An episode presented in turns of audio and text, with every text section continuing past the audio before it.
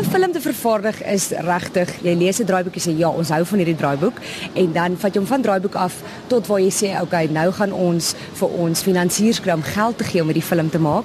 Jy werk natuurlik saam met die dan nou die departement van handel en nywerheid baie nou saam. Hulle gee baie groot grants vir Suid-Afrikaanse films. So wanneer jy uiteindelik jou hele budget bymekaar het, dan sê jy, goed, nou gaan ons vir ons 'n hele crew bymekaar kry. So ek besluit wie gaan die regisseur wees en van daar af werk jy baie nou saam met die regisseur en die draaiboekskrywer en sê, okay, wie gaan die DOP wees wat dan nou in gewone Afrikaanse terme 'n uh, kameraman sal wees en wie gaan die klankman wees, wie gaan die akteurs wees, audisies word gehou van daar af beplan jy waar gaan jy dit doen soos doen 'n rekkie.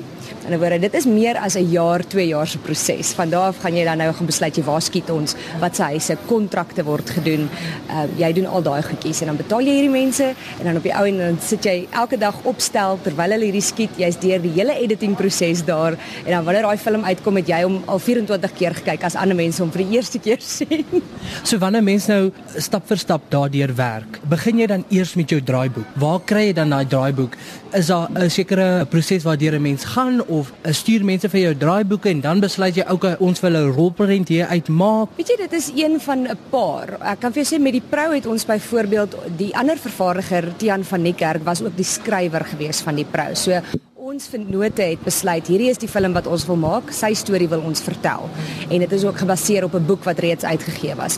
Maar aan die ander kant kry ons ook verskriklik baie e-posse van mense af wat sê ek het hierdie storie geskryf. Ons ken 'n klomp skrywers en hulle stuur dan hierdie draaiboeke. Dan werk jy sommer as skrywer, jy kan dan of die draaiboek by hulle koop en dan word dit joune. Jy kry die regte dan om dit te doen en dan van daar af vat ons dit verder. So julle is heeltemal onafhanklik van 'n uh, rolprent teater of enige ander maatskappy. Julle werk heeltemal op julle eie en dan gaan soek julle mense om by te kom om hierdie rolprent te vervaardig. Ja, met ander woorde, ons maak hierdie film en dan vooraf besluit jy wie jou vennote gaan wees. Met ander woorde, mense wat geld insit en dan nou mense wat ons weet gaan ons help vorentoe. Ons het in Suid-Afrika is daar 3 wat ons noem verspreiders. En hierdie mense gaan na die rolprent teaters toe en hulle sê, "Hier is die film wat ons het, gaan julle hom wys of nie?"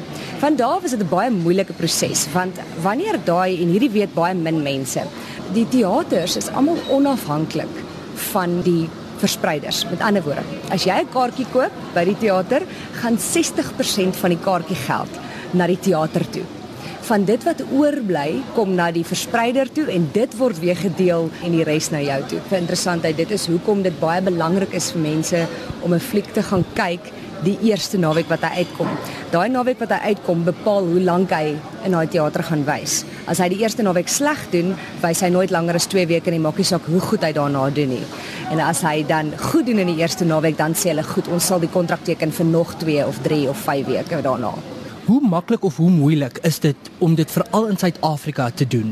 Weet jy, dit is nie so maklik as jy nie dit al voorheen gedoen het nie. Ons het die eerste keer baie gesukkel. Ons het ongelooflike mense gehad wat ons gehelp het want filmvervaardiging in Suid-Afrika is heeltemal anders as in Amerika. In Amerika is die vervaardigers die big cats en hulle werk hard, maar hulle is nie so betrokke noodwendig by elke liewe film nie. Waar in Suid-Afrika is die vervaardigers regtig by elke liewe stap betrokke en maak nie noodwendig die geld nie, omdat ons film budgets nie so groot is soos oorsee nie.